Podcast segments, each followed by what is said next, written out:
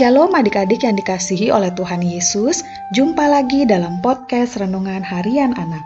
Apa kabar? Tante berharap di mana pun adik-adik berada, kalian terus menikmati kebaikan dan kemurahan Tuhan. Apakah kalian sudah siap untuk mendengarkan firman Tuhan? Jikalau sudah dan Alkitab sudah kalian pegang, yuk kita berdoa terlebih dahulu. Kita minta pimpinan Tuhan untuk mendengarkan firman-Nya. Mari kita berdoa. Bapa Surgawi, Bapa yang baik, kami sungguh bersyukur Tuhan karena kami boleh terus ada dalam kebaikan Tuhan setiap hari. Pada saat ini kami hendak mendengarkan firman-Mu, tolong kami Tuhan agar kami dapat mendengarkan dengan baik dan dimampukan untuk melakukannya dalam hidup kami hari lepas hari. Terima kasih Bapa, hanya di dalam nama Tuhan Yesus kami berdoa. Amin. Firman Tuhan hari ini akan kita dengarkan dari kitab Perjanjian Baru, yaitu 1 Yohanes 4 ayat 19 sampai 21. 1 Yohanes 4 ayat 19 sampai 21 tante akan menuturkannya untuk kita semua. Beginilah firman Tuhan. Kita mengasihi karena Allah lebih dahulu mengasihi kita. Jikalau seorang berkata, "Aku mengasihi Allah," dan ia membenci saudaranya, maka ia adalah pendusta. Karena barang siapa tidak mengasihi saudaranya yang dilihatnya, tidak mungkin mengasihi Allah yang tidak dilihatnya.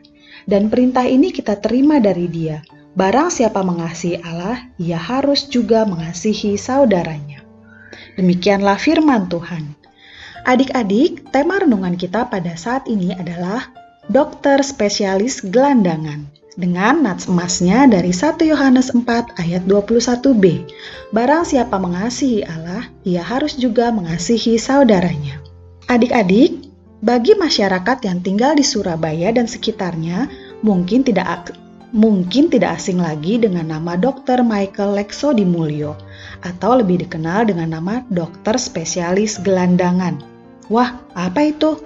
Dokter Michael memang sejak kecil bercita-cita menjadi dokter, namun keadaan ekonominya kurang mendukung.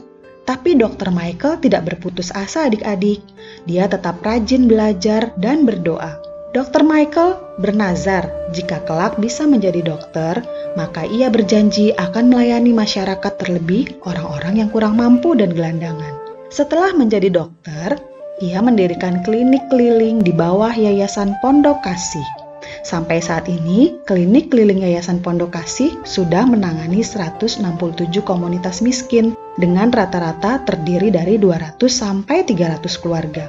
Yayasan ini juga sudah mendirikan 10 klinik kecil di sejumlah tempat di Surabaya. Atas dedikasinya, Dr. Michael berhasil menerima sejumlah penghargaan dari Kementerian Kesehatan Republik Indonesia hingga WHO.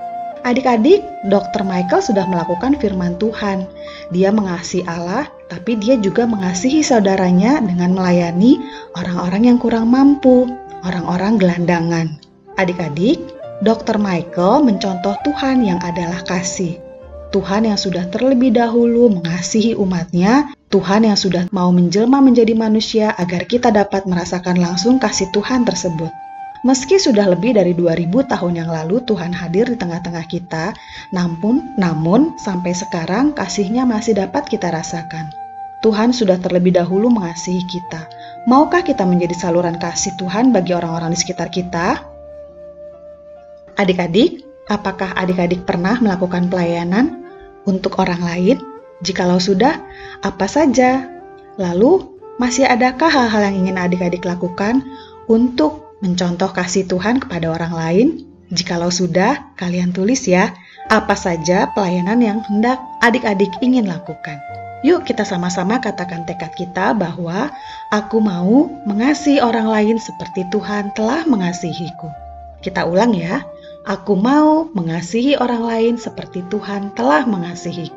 Mari kita berdoa. Bapa di surga, bimbing dan tuntun kami agar kami mampu mengasihi orang lain seperti Tuhan yang telah terlebih dahulu mengasihi kami. Terima kasih ya Tuhan, hanya dalam nama Tuhan Yesus kami berdoa. Amin. Renungan kita sudah selesai. Sampai besok lagi ya. Tuhan Yesus memberkati.